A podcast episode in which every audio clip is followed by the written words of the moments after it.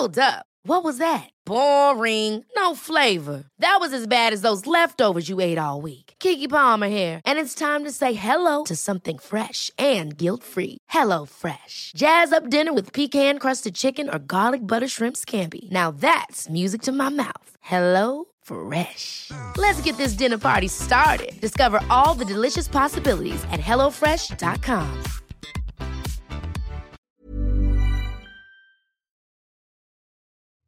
Den där, den här bruden som du håller på med, eller nyss älskade. Prata inte för mycket nu. Det här är en podd. Ja. Kan vi klippa tillbaka? Ja, vi får klippa i början. Nöden har ingen lag. Avbryt inte. Hej! Stötta gärna oss på Swish.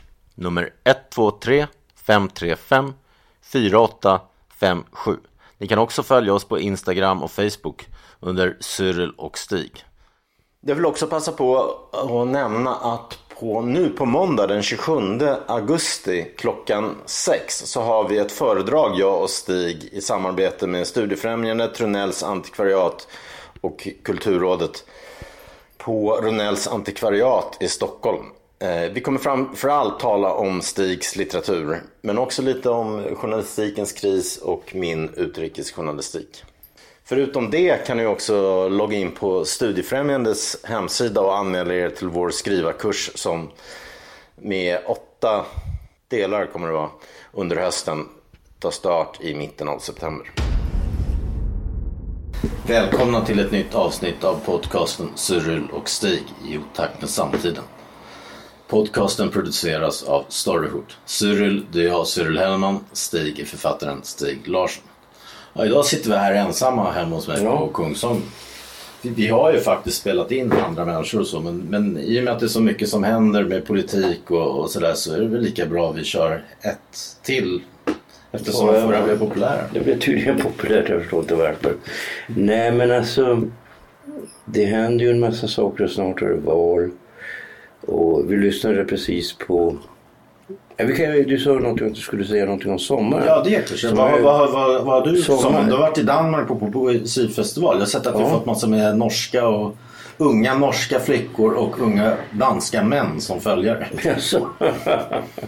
Det har inte jag märkt. Som, som gillar poesi. Och skriver riktigt bra också tycker jag. Alltså, det, alltså nivån i Danmark och Norge är mycket högre än i Sverige. Mm. Eh, det var väldigt roligt. Men eh, jag gillar ju de här festivalerna och så. Men, men det har ju varit så förfärligt varmt. Och jag, har ju då, jag kommer ju från Norrland. Jag är inte alls acklimatiserad förut. Så jag har hållit mig inne mitt på dem. Sen har jag varit uppe i Norrland då i alltså en kusinträff som vi har varje år. Nu var vi då i Kroksjön eh, utanför Skellefteå och så en av mina kusiner. Och sen har jag varit i Dalarna i en tjej jag träffade där som har en, eller som bor i Stockholm, hon bor i London nu förresten. Eh, som har en stuga där. Och sen har jag varit nu i Östersund. Så det har varit lite så här eh, småresor. Jag började sommaren själv i Danmark med bara en eh, helg, gudehelg. Sen var jag på, eh, i Grekland, följde med som lyxhustru till min flickvän. Men sen tog jag med henne, i, i, till Aten då, men sen tog jag med henne till Hydra. Eh, Den här ön där Leonard Cohen bodde när det var svensk konstnärskoloni på 60-talet med Sven Axelsson och Göran Tunström och folk. Den var helt fantastisk. Okej. Så dit- dit kommer jag åka tillbaka. Sen var jag i Barcelona med min son. Och sen nu förra veckan har jag precis kommit hem var jag med uh, Ola Rapace i Paris och jobbade. Vi får se om... Ja, vi lever lite olika liv. Vi får Du se om några är överklass och jag är underklass. Jag hade faktiskt också tänkt åka till New York för en konstaffär nästa vecka. Men, för att sälja min oljemålning av Ja. David Bowie. Men, när men när den du miljonärskan drog sig ur så att det blir ingen New York tyvärr. Så när ni nu skickar pengar ska ni skicka dem specifikt till mig. Nej men eh, alltså det är ju på något sätt ganska allvarliga tider. Eh, vi befinner oss nu bara något dygn efter den här alldeles uppenbart organiserade bilbranden, va, eller bilbränderna. I Malmö var det? Nej, det var i Västsverige. Ja, Göteborg. Det var i Göteborg och olika orter runt omkring Göteborg. Och det var ju då tajmat till klockan nio på fyra ställen. Så. Ja, alltså eh, vi har precis lyssnat på ett radioprogram, tio år gammalt radioprogram där de tar upp kartellen. Och du är ju då kompis med Leo och har skrivit den här boken som, jag, tycker, ja, ja, som jag tycker är utmärkt. Jag ska bara rätta, det, det, det, är inte ett radioprogram utan det är ljudbok från Storytel som de har gjort på mina intervjuer med Kartellen. Okay. Och det där var den första intervjun de gjorde någonsin. Okay. Och förutspådde bränderna. Ja, alltså det finns ju en... Eh, svenskar är ju... Man ska ju inte tala så och generalisera så här har man lärt sig när man gick i skolan och det tillhör uppfostran på något sätt. Jag är ju väldigt förtjust i att generalisera, det måste jag erkänna. Mm. Därför att utan att generalisera kommer man faktiskt ingenstans. Mm. Eh, utan då bara upprepar man vad man är lärd att säga. Va? Och man måste ju säga att svenskar är ett ovanligt eh, naivt folk. Mm. Beroende på att vi har haft ganska lite problem. Eh, jag tror att sådana saker som att vi inte haft krig på rätt länge spelar en viss roll. Mm. Och hur konstigt den låter så är det vissa saker som händer Alltså om du jämför Sverige och Finland så har ju finnar en annan attityd. Och nu är det ju väldigt få finnar som lever idag som verkligen var med i kriget. Va? Mm. Eller de är ju väldigt gamla. Men det präglade även deras barn och barnbarn. Va? Mm. Jag känner ju själv personligen är jag ju uppvuxen med väldigt mycket finnar. Så, så jag skulle säga att av mina allra närmaste vänner så är ungefär hälften finnar. Det var många finnar när jag växte upp också. Och chilenare faktiskt. Var det som jag växte upp ja. Nej men alltså det är ju... Alltså jag har ju då trott väldigt länge på att... Eh, för jag märker ju det då när jag då rör mig på lilla scen och eh, bland de som är då arbetare eller folk som är inom LO-kollektivet, det gäller ju faktiskt även kvinnor då som jobbar på sjukhus och så. Så är det ju då, skulle jag vilja säga, mitt intryck är att den överväldigande majoriteten är, röstar SD och det gäller även de som är invandrare. Mm. Och jag tror ju då att de kommer att, det vet man ju inte, men jag tror att de kommer att få, nu är det ju då sån här betting på det där och jag tror att de har lägst odds på att bli största parti. Mm. Och då måste man ju säga då att det som saknas och det vi pratade lite grann med Malcolm om och det vi tidigare för länge sedan talade med Åsa om, Åsa Linderborg. Det, det jag saknar det är en självkritik inom vänstern. Alltså vad är det vi har gjort som är fel? Därför att som det är nu, du nämnde idag någonting om att Vänsterpartiet håller på att genomdriva, genomdriva olika krav på, som gynnar alltså övre medelklassen. Ja, nu, alltså på Reinfeldts tid när, när Alliansen började, de, de, de snodde ju vänsterns röster genom att säga vi är det nya arbetarpartiet. Men om du kollar på vad Vänsterpartiet har genomfört de senaste veckorna för, för vallöften. Bland annat så här, det är lättare att ha bostadsrätt, du, du slipper med lånen på, på samma sätt. Och, olika arbetsgivaravgifter och jag har inte koll på exakt vad det var. Mm. Men de, de, framförallt för småföretagare har de nästan blivit det vänligaste partiet. Ja, men så... Och bostadsrättsinnehavare. Ja, alltså det är ju, det är ju faktiskt så att det är, det är kan man säga nästan ett problem. Eh, att, det, att medelklassen i Sverige har blivit numerärt sett så stor.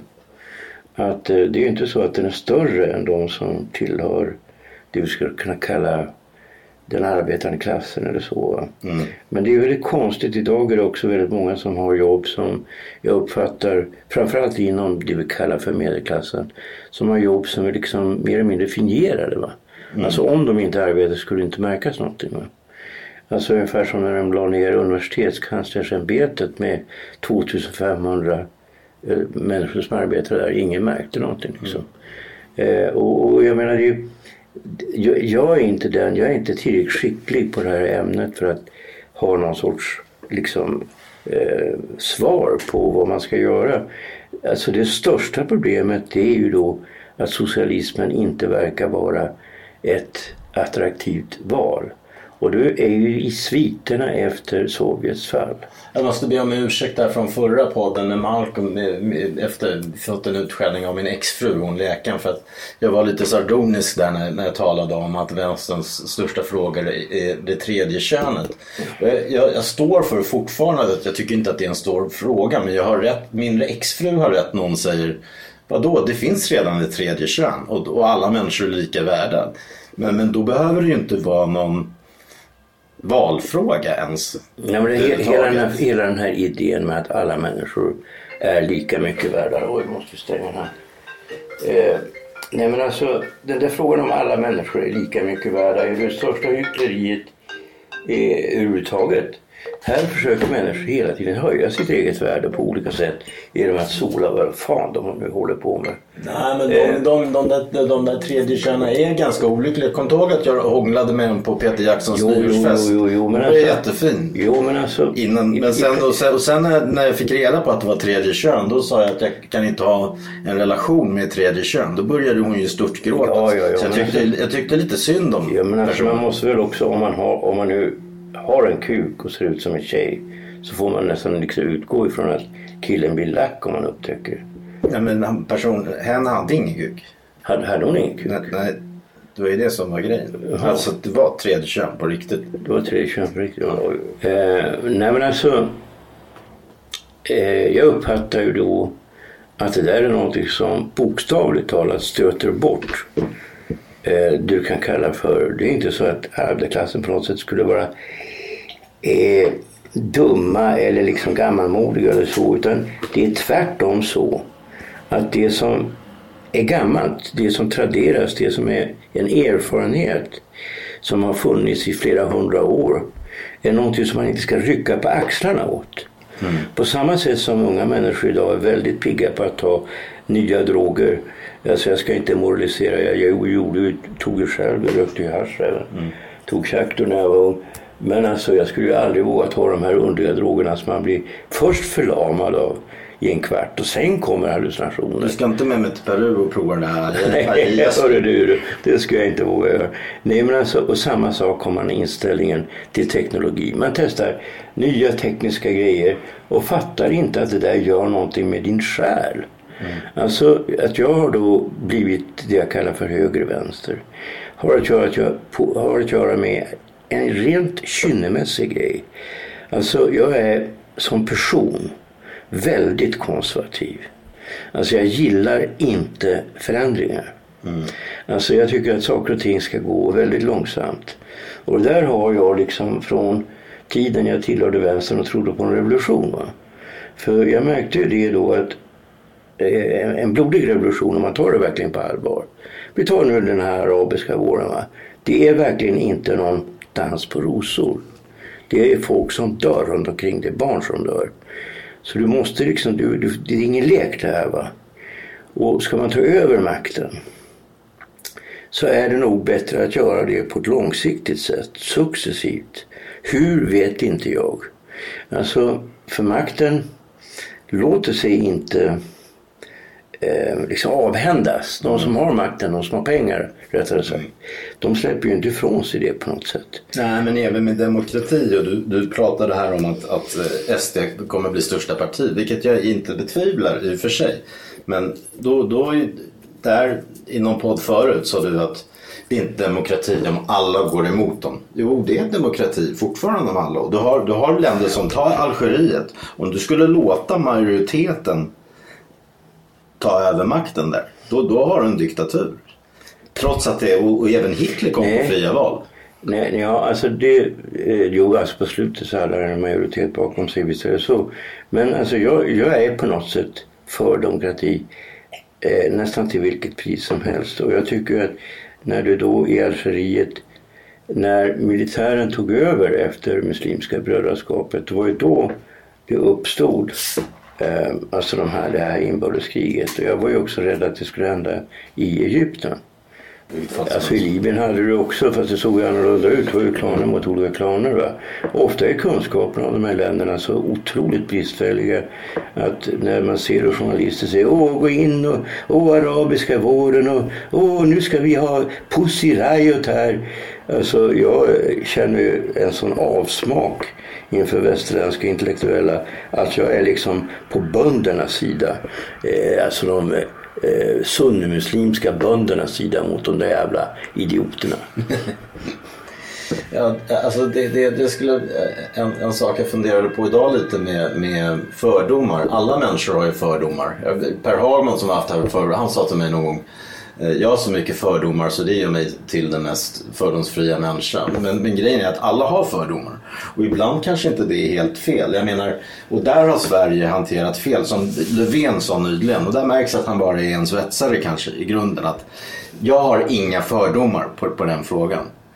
Jaha, men om vi, inte, om vi inte har fördomar, ska vi verkligen ta in, ta, ta, ta till oss sharia-lagar, eh, vissa oms, omskurelsegrejer och, och sådana grejer. Precis som att det kanske inte vi, eh, där kanske vi i Sverige bör ha fördomar mot det. Precis som att om du och jag kommer med varsitt helrör och ett gäng brudar till, till Saudi och vill mm. ha ett swingersparty fullt med sprit. De kanske också har rätt. Usch, det vill jag absolut de, de, kanske, de kanske också har rätt ha fördomar mot oss, att vi gör ja, något fel. Alltså, det, är väl, alltså, det är så, när man ser de här, nu har de ju satt upp de här valaffischerna.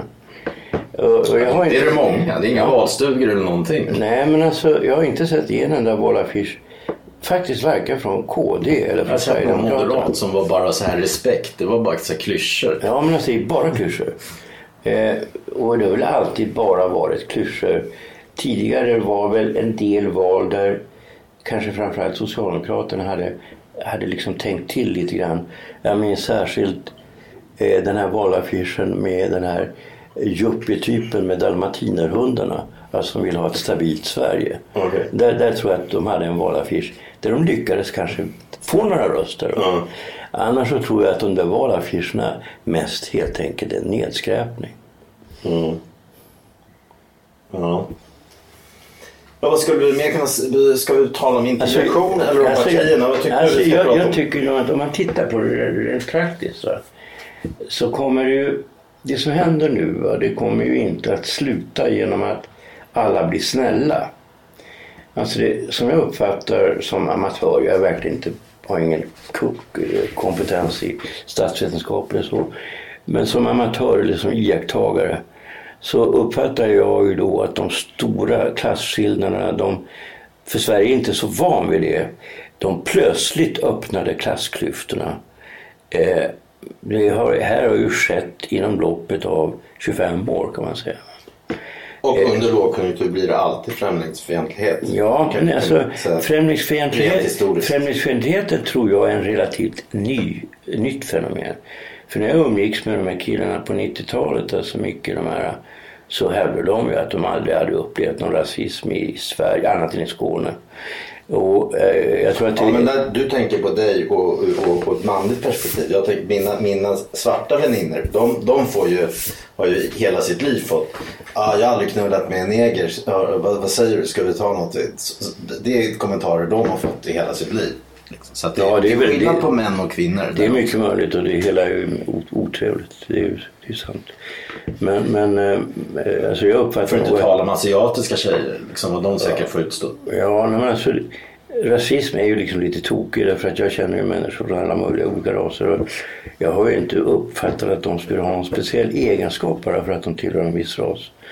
Och, eh, alltså, däremot kan man väl göra vissa generaliseringar, det gör man ju också när det gäller svenskar. Ett tag var det förbjudet för svenskar att, att besöka vissa krogar i Schweiz därför att de svinade ner så mycket. Det stod hundar och svenskar är inte välkomna. Och då får man köpa det. Vi, alltså, mina landsmän betedde sig illa.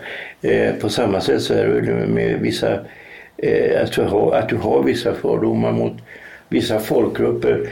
Och du skulle inte ha de fördomarna om det visade sig att de inte riktigt stämde. Utan det krävs, om du nu överhuvudtaget har kontakt med de här människorna, det krävs att de bekräftas.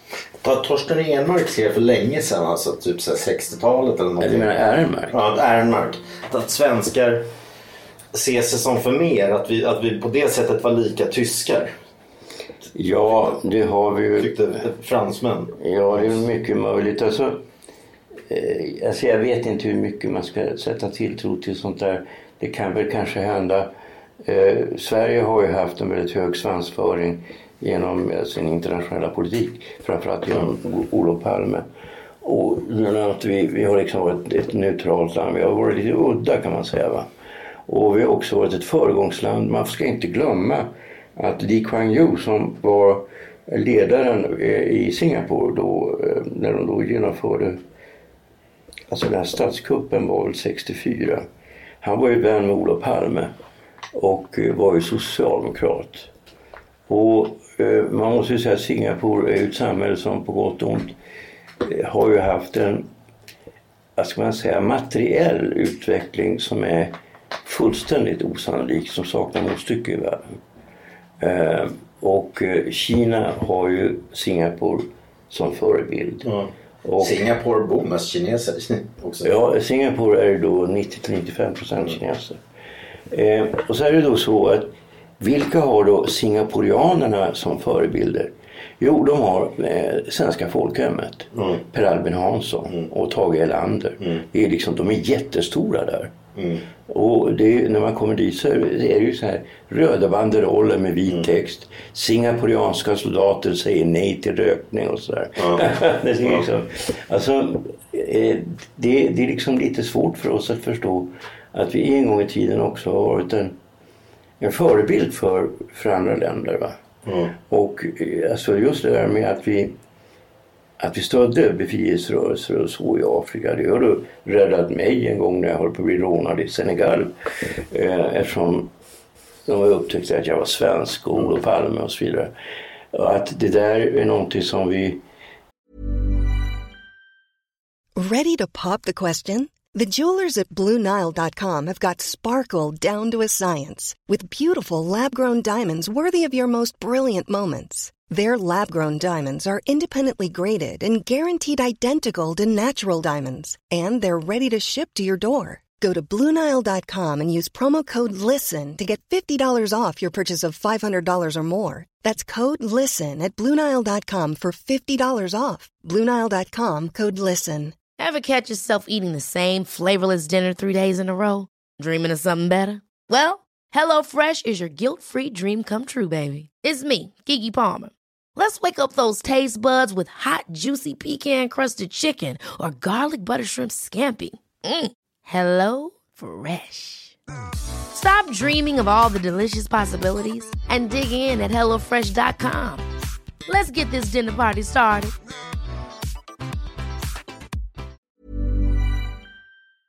Alltså, vi, Sverige tjänar säkert en hel del pengar på det där också. Jag tänker på, vad heter de, Lamco? Så där var det Kurdistan också. Ja. Alltså kurdiska alltså, gerillan älskade för att man var svensk. Ja visst, jo. Och det, alltså, det är väl fine va. Eh, för att i många fall har det handlat om diktaturer som de har bekämpat. Det är alldeles riktigt. Ja. Så att jag, jag, jag tycker då att, att Palme gick i demonstrationståg med den här nordvietnamesiska ambassadören var en riktig handling. Men det är en grej jag tänkte på nu när du, när du sa det här med att vi har varit ett föregångsland i omvärldens ögon. Och, och, här är det lite konstigt med svensk public service för att när, när det började, nu kommer vi tillbaka till det här att det har brunnit i natt med, med bilar och mm. grejer. När, när det gjordes sådana reportage, det var ju inte bara det här totalt felvinklade Trump-reportaget från Fox. Utan det var ju norsk tv, det var australienska BBC åkte hit till våra förorter och filmade. Och Medan svensk tv gör det inte. Vi köpte in från norsk tv när norsk tv hade varit i Rinkeby. Jo, man kan säga så här att de svenska journalisterna har en, en väldigt stor skuld i att situationen ser ut som den gör. För de har ju romantiserat och de har ju bagatelliserat problemen.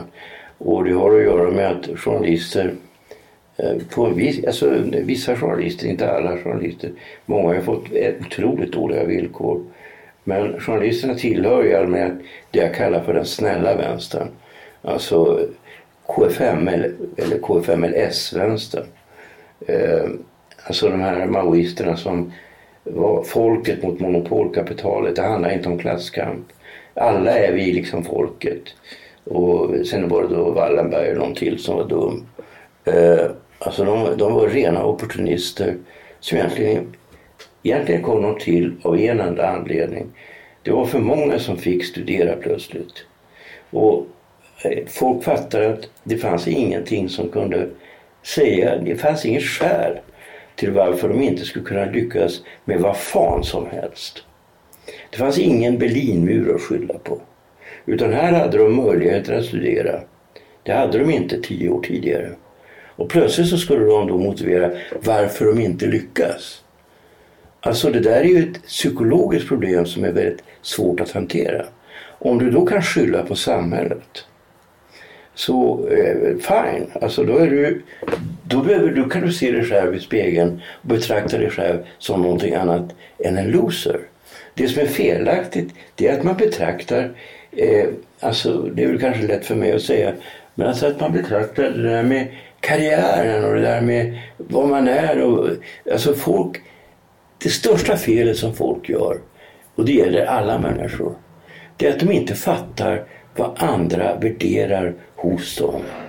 De tror att andra värderar sådana saker som att de till exempel har fina Instagramkort av mat, att de har häftiga kompisar, att de är tillsammans med någon som är snygg eller sådär. Va?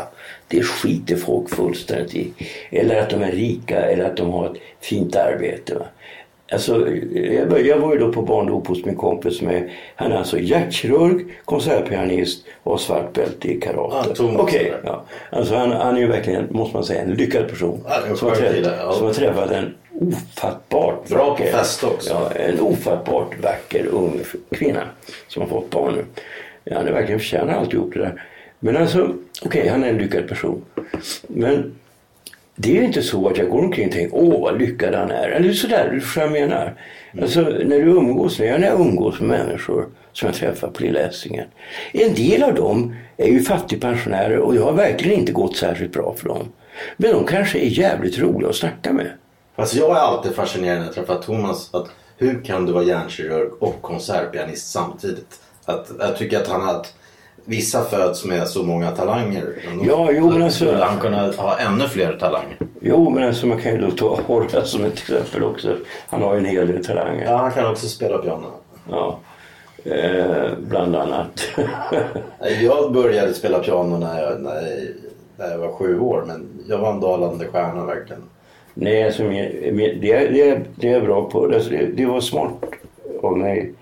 Smart och smart, men eh, jag begränsade ju mig själv när jag var väldigt ung. Jag satsade på ett visst område och sen så struntade jag i allting annat. Och, och det där gjorde då att jag är ju otroligt eh, opraktisk. Alltså är jag tvungen att vara praktisk Alltså, måste jag vara det, då, då, då, alltså när jag gjorde lumpen och så här, va? Så då är det väl hyfsat. Jag var inte ens praktisk i lumpen. Men, men, men, men det, det, det, det, det vi kom bort från när vi pratade om journalistik sen skulle jag säga. Det, det, har, det har ju också det här från, som alla vi journalister som inte jobbar för den malliga tidningen. Vi har ju ett ordspråk som, som heter att 68 släppte DN, släppte DN in alla. Sen dess har ingen kommit. Sen dess har ingen kommit. Nej, ordspråket är... När TV2... För det är deras barn också sen som har fortsatt. Ja, men eh, ordspråket är det här och jag tror att det är Jan Guillou som har kommit på det. Eh, att 1968 så startade TV2 och då tog man in ett helt demonstrationståg och på det sättet pacificerar man dem. Ah, ja, okay. jag det, tror faktiskt det gäller nog på SVT också faktiskt. Nej, men jag tror faktiskt att det är Jan Guillou som har myntat det. Okay. Nej men alltså vi får väl se vad som händer. Men en sak som jag tycker är viktig det är att eh, man ska inte gå omkring och eh, ha onödigt mycket ångest för framtiden och sådär. Va? Jag tänker nu på det här med klimatet och så. Okej, okay, vi måste ju göra någonting åt det och så men alltså vi har, ju, vi har ju det bokstavligt talat så lever vi i en värld, i ett samhälle i Sverige, Stockholm. Det är sommar, det är inte kallt. Som är helt fantastiskt. Vi har fantastiska kommunikationer. Vi har, om vi har, jag har ju så dåligt med pengar nu men jag har i alla fall råd att äta någon dag i veckan på restaurang. Mm. Eh, och, och det är ju, maten har ju förbättrats otroligt mycket. Eh, och det som också det som har verkligen har, har förbättrats det är fotboll, det är matkultur och det är, eh, fast det har ju gått ner nu, det är eh, humor. humor Svartengrens där jag bjöd dig, de ja. går bra köpt, eller hur? Ja, det var fantastiskt. Och drinkar. Fantastiskt och drinken fick jag inte ens. Men, eh, nej men alltså, Nej, alltså jag tycker och det här stället, där det, det ska vi kanske inte ta upp men du fick vissa problem där. Det här afrikanska stället. Ja, det tar vi inte upp. Nej. Nej, men jag tycker de har väldigt bra mat. Eh, men, men ett som är problem är ändå det här jag tänker ju på det mycket nu eftersom jag jobbar med det. Jag och Leo har ju fått i uppdrag av HBO kanske att göra en tv-serie. Så vi gör synops nu, en, en svensk The Wire. Mm. Så, så jag har ju väldigt koll på, på det som händer i förorterna. Och det, och det är ju, något måste ju göras åt det här. För det är ju också, det är 5% som sätter skräck i, i övriga i de här miljonprogrammen. Jag känner alltså gangstrar som har suttit men nu i 30-årsåldern som inte vågar gå ut riktigt liksom så själva eller utan någon. Nej visst, i, dem, i deras fall så är det ju säkert ovanligt farligt eftersom att skjuta dem innebär ju en fjäder i hatten. Det man har gjort som är till viss hjälp att man har fått in många det, det, är, ju, det är ju att man har skärpt vapenlagarna. Jag tycker i och för sig inte det är så kul eftersom jag själv skulle vilja äga ett olagligt vapen. Men, men det, det, det, kan jag stå över om det sparar människoliv. Det var ju fullständigt vansinnigt. Det var ju så här att det var en dom 1993. Alltså allting, allting har ju en konkret början alltså när det gäller brott. Ja. Alltså när du tar det här med vapnen så berättade Tabo Matsuela för mig, han stod ju i dörr då på Café Opera, att det var en dom 93, det kan ha varit 92 redan, men det var nog 93. Och då så, eh, en vecka efter den domen, för att man, var man kriminellt belastad mm. och hade på sig en pistol eller en revolver så dömdes du inte för olaga vapeninnehav utan förberedelse till grovt rån. Och då var minimistraffet två och ett halvt år. Och det gjorde att ingen hade på sig vapen. Sen, det var för stor risk. Va? Sen, sen, sen, så, sen så var det då en domare som helt enkelt, och det funkar ju som prejudikat som helt enkelt dömde till böter mm. istället. Sen tog det en vecka så visade folk helt enkelt vapen innan de gick in på krogen. Mm. Och då, du släpper in dem. För det var ju en kille som blev skjuten. Mm. Eh, en dörrvakt. Sen, sen tror jag i längden inte på, på hårda straff och bara hålla på med straff. Men det jag tror, där faktiskt Fredrik Reinfeldt har varit inblandad att, och kollat USA. Jag skriver om det här i mitt mörka hjärta. Om du kommer ihåg att Hawaii-gangstern, mm. att han helt plötsligt fick ett litet vakt en vakttjänstgöring och då var det ju lugnt i kvarteret när han fick hålla mm. koll på, på sitt, sitt eget kvarter. Mm. Ingen av hans kompisar bråkade med honom så länge han gick skift. Och den modellen äh, läser jag någonstans att Fredrik Reinfeldt är med i någon kommitté. Att de har varit och tittat på i USA och Kanada och den funkar ju faktiskt ganska bra där. Det tror jag också på. Alltså, jag tror att det är väldigt bra om man har lokal, folk som har lokalkännedom och som de respekterar. För det finns ju eh, alltså, tyvärr en antagonism med, med, med liksom de som är, bor där även om de kanske inte ens är kriminella och polisen. Eh, de uppfattar polisen, även om polisen skulle vara utrikesfödda och så, mm. som, som någonting främmande. Va? Alltså det man kallar för aina. Va? Alltså vi måste ju ha polis. Och, eh, och jag tycker ju då... Polisen ska ju skydda alltså alla som känner sig otrygga. Ja, alltså vi måste ha polis, vi måste förstärka polisen. Risken om nu Sverigedemokraterna blir så stora eh, som de kan bli, eh, alltså vi säger att de blir det största partiet. Det är att de förr eller senare kommer de att få politisk makt. Och om de inför att de, in, att de tar militär till förorten så riskerar vi att få en israelisk situation. Ja. Ja, som jag har sagt att eh, jag, jag sa ju om Sverigedemokraterna får regeringsställning eller så. Då, då är, det blir väl antagligen Berlin men Israel är ett alternativ eh, jag kan emigrera till. Äh, jag, bor hellre, jag bor hellre under en svinig högerregering i Israel än under en svinig högerregering i Sverige. Det gör jag. Ja, det är bara snack från din sida. Då ska man flytta från sitt land. Kan det vara good life om du har strand och allting i stan? Ja men vadå, alltså du är ju svensk. Du ska ju bo i Sverige. Jag tycker att de som överhuvudtaget funderar på att flytta från Sverige eh, på grund av eh, det är ju samma sak som de rika som köper mark i Nya Zeeland i USA för att USA eventuellt kommer att krackelera politiskt. De är landsförrädare, det håller jag med Nordiska motståndsrörelsen. Ja, ja men man kan ju man kan ju å andra sidan ha det som arbetsplats också. Man, ska, man har faktiskt en skyldighet att se till att det land som har fostrat en eh, fungerar. Nej, får, jag, får jag ola igenom det här som vi ska på möten om, om, om fyra veckor. I sådana fall blir det Berlin väl och då kan jag pendla så jag kan vara hemma en vecka i... Ja, Berlin är en fantastiskt behaglig En vecka i månaden. Det tycker jag också. Eh, det, det är ju inte så alltså. Jag skulle också gärna, eh, om jag hade pengar. Det var så länge sedan jag hade mycket pengar. Eh, Men alltså hade jag pengar skulle jag, jag läste ju den här Noréns bok, han pendlar mellan och köper precis de kläder jag skulle vilja ha. Han är ju så jävla liten den Norén. Jag undrar honom det är inte det va. det är irriterande. Han själv inte ens har råd att köpa liksom eh, Miyake-strumpor. Ja, kläderna väl ändå. Där, där, jag tycker man kan ha strumpor från H&M faktiskt. jo, jo, jo, det har ju jag också. The top. Men, men det är klart, pengar är alltid frihet. Ja, pengar är frihet och det som irriterar mig lite grann är att jag upplever att det är en sån här konstig grej med pengar. Va? Att vissa människor har pengar som de får genom att de är liksom smarta på det här med pengar. Va? Det har inte så jävla mycket att göra med att de tillför så mycket med sitt jobb. Utan de är väldigt bra på att liksom fiffla till sig grejer. Det behöver inte vara fiffla men du vet ju vår kompis Geijer han, han ser alltid till att ha pengar på fickan. Han, han, han, bara, han ser alla möj- Om han möter en ny person ser han hur han kan tjäna pengar ihop med den personen. Överallt. Jo, alltså det är ju det du säger med positiv egenskap också.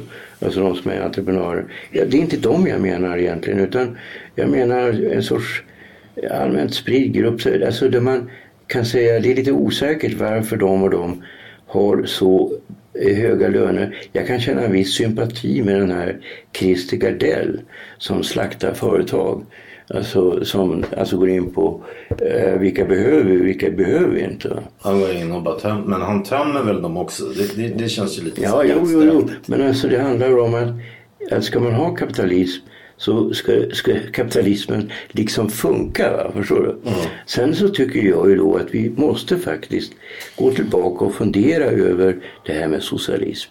Bara för att det misslyckades där i Östeuropa så menar jag att vi måste hålla det öppet.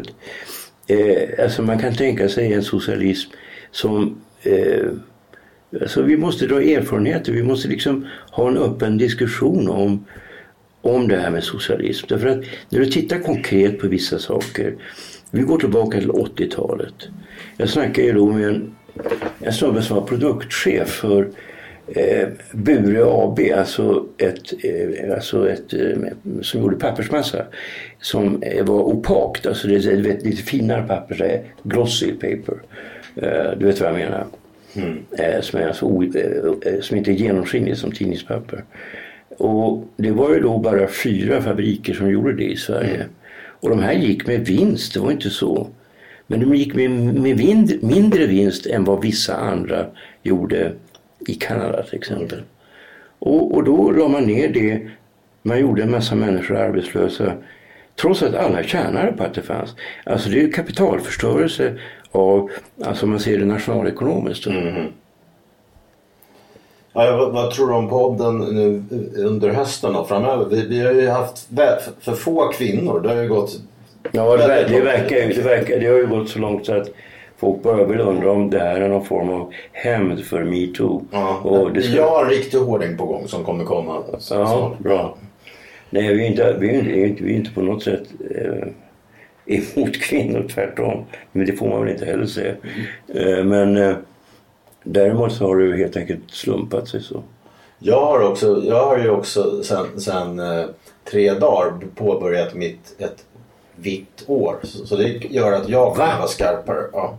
Ska du vara- vit i ett år nu? ja, men det är bra för podden också. För om du kollar på Rolling Stones. Keith Richard får vara hur full han vill på scen. Men är Ron Wood full då får han sparken direkt. Jaså? Så nu ska jag inte jämföra med Ron Wood och jag ska väl heller inte jämföra med Mick Jagger heller. Men man kan jämföra mig med Charlie Watts. Det är ändå batteriet, klippan. Utan, utan, utan hans bygge så kan, finns det risk att, att Stones faller ändå. Ja, jag, tycker, jag tycker inte om att göra utfästelser på det där sättet. De misslyckas alltid. Ja, mm, men och det måste vi göra reklam för innan vi slutar också. Att den 28 augusti så har vi ett eh, föredrag, seminarium som vi har gjort reklam för förut på Runells. Det kostar 100 kronor. Men vi kommer nog vi kommer köra som Lundell. Det kanske pågår i tre timmar. Våra böcker kommer finnas där också för signering. Och tre timmar då tror jag publiken kommer att bli väldigt trött. Ja, det kanske, det kanske är två. Men, men vi kommer prata om dina romaner och poesi framför allt. Ja, vi kommer att prata om en sak som jag tycker... Alltså jag brukar alltid improvisera men jag har funderat lite grann över det där. Och det är en sak som eh, jag tycker är bekymmersam.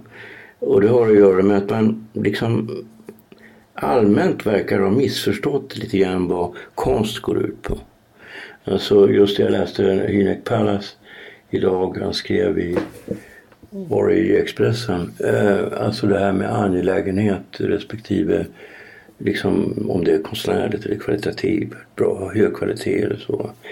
Eh, alltså det gjordes ju på 70-talet så gjordes det ju massor med urusla filmer som ju ingen människa har sett de senaste 40-45 åren. Eh, som handlade om saker som alla i publiken redan höll med om. Publiken gick dit för att få bekräftat det de redan tyckte. Och det, det, det är ungefär den typen av kultur som produceras också idag. Och som hyllas idag. Och det där är någonting som eh, alltså blir ett problem för de som är unga som ska då komma ut och, och själva skriva och måla och göra filmer och så. Eh, att de liksom får, får det som, ungefär som i öststaterna, som, som en sorts eh, tvångströja. Alltså, eh, man måste på något sätt kunna diskutera vad är det för poäng med eh, kultur överhuvudtaget. Förstår du? Mm. Jag tycker också då att den 28 augusti, det är klockan sex. Du sa att det var en tisdag tror jag.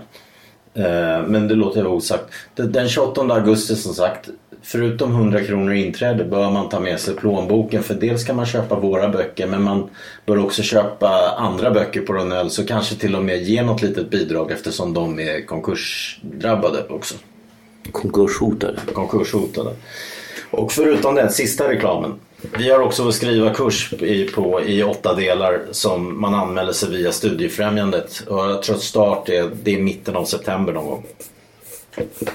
Ja, vi har ju snackat om det och det kan vi väl upprepa här nu för de som inte har hört det. Att vi kommer att utgå på något sätt ifrån vilka elever vi får. För vi har erfarenhet från så breda områden som jag menar du, journalistik, jag skriver filmmanus, dramatik, poesi och även romaner. Romaner har vi båda erfarenhet av. Eh, och vi kan nog, jag tycker att alltså det vi gjorde i Paris, det, där tog vi verkligen hänsyn till de enskilda individerna och deras behov. Och, vi, vi bedömde ju till och med låttexter var det. Ja, det var, vi, vi kunde även göra det. Alltså vi är ganska allround måste man säga om man får skryta.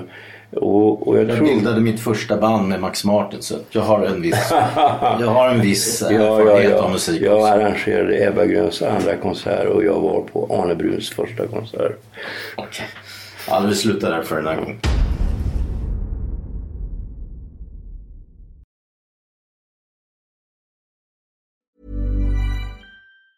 Planning for your next trip? Elevate your travel style with Quince. Quince has all the jet setting essentials you'll want for your next getaway, like European linen, premium luggage options, buttery soft Italian leather bags, and so much more. And is all priced at 50 to 80% less than similar brands. Plus, Quince only works with factories that use safe and ethical manufacturing practices. Pack your bags with high-quality essentials you'll be wearing for vacations to come with Quince. Go to quince.com slash pack for free shipping and 365-day returns. Hold up. What was that? Boring. No flavor. That was as bad as those leftovers you ate all week. Kiki Palmer here, and it's time to say hello to something fresh and guilt-free. Hello Fresh. Jazz up dinner with pecan-crusted chicken or garlic butter shrimp scampi. Now that's music to my mouth. Hello Fresh. Let's get this dinner party started. Discover all the delicious possibilities at hellofresh.com.